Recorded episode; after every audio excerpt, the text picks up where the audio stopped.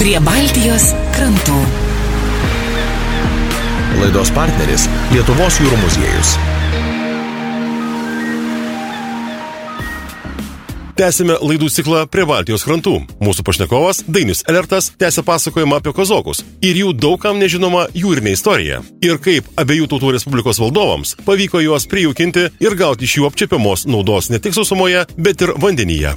Šalia visų e, šitų tepėsi įprastinių kavalerijos dalykų, kazokai ėmė e, naudoti valtis ir laivus. Jau 15 amžiui viena pirmųjų žinių yra apie tai, kaip kazokai apiplėšė e, turkų pirklių laivų, papuolė į mūsų vėlgi akiratį, todėl kad turkų sultonas susirašinėja su Lietuvos didžioji kunigaikščiu, Lenkijos karalius, dėl to, kad, na, maždaug prašytamas, kad suvaldytų tos kazokus, jų pavaldinius ir prekybos kelias būtų laisvas. Tai tokie, reiškia, žmonės, apie kuriuos eis kalba. Tai jos Lietuvos valdovai, abiejų tautų Respublikos karaliai, taip pat bandė panaudoti įvairiems tikslams, kariniams visų pirma. Reikėtų pasakyti, kad dalį jų prijaukino, tai yra pradėjo mokėti jiems atlygį, algą, surašė, tai va šitie buvo riestriniai kazokai.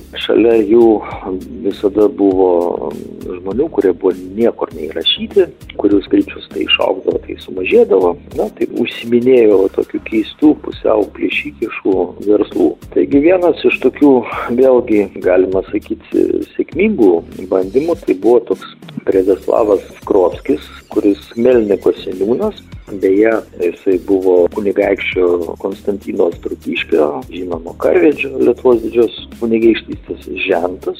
Na ir jisai 1506 metais buvo netgi paskirtas pirmoju kazokų formalių atmenų, organizavo žygius naudodamasis valtimis laivais.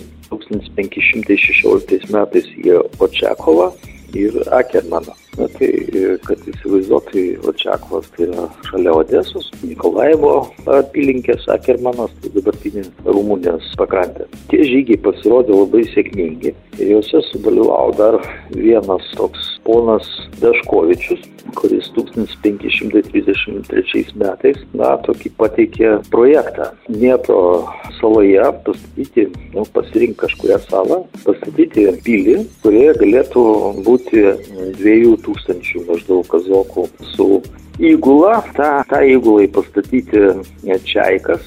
Čaikos tai yra tokie kazokų laivai, kurie nu, turėjo ypatumą, kad jais buvo galima plaukti tiek jūrą, tiek vidaus vandenim. Ir yra tokie manevringi laiveliai, apginkluoti patrankomis. Na ir taip pradėti kontroliuoti uh, upių žiotis ir praktiškai užblokuoti bet kokį judėjimą iš Krymo.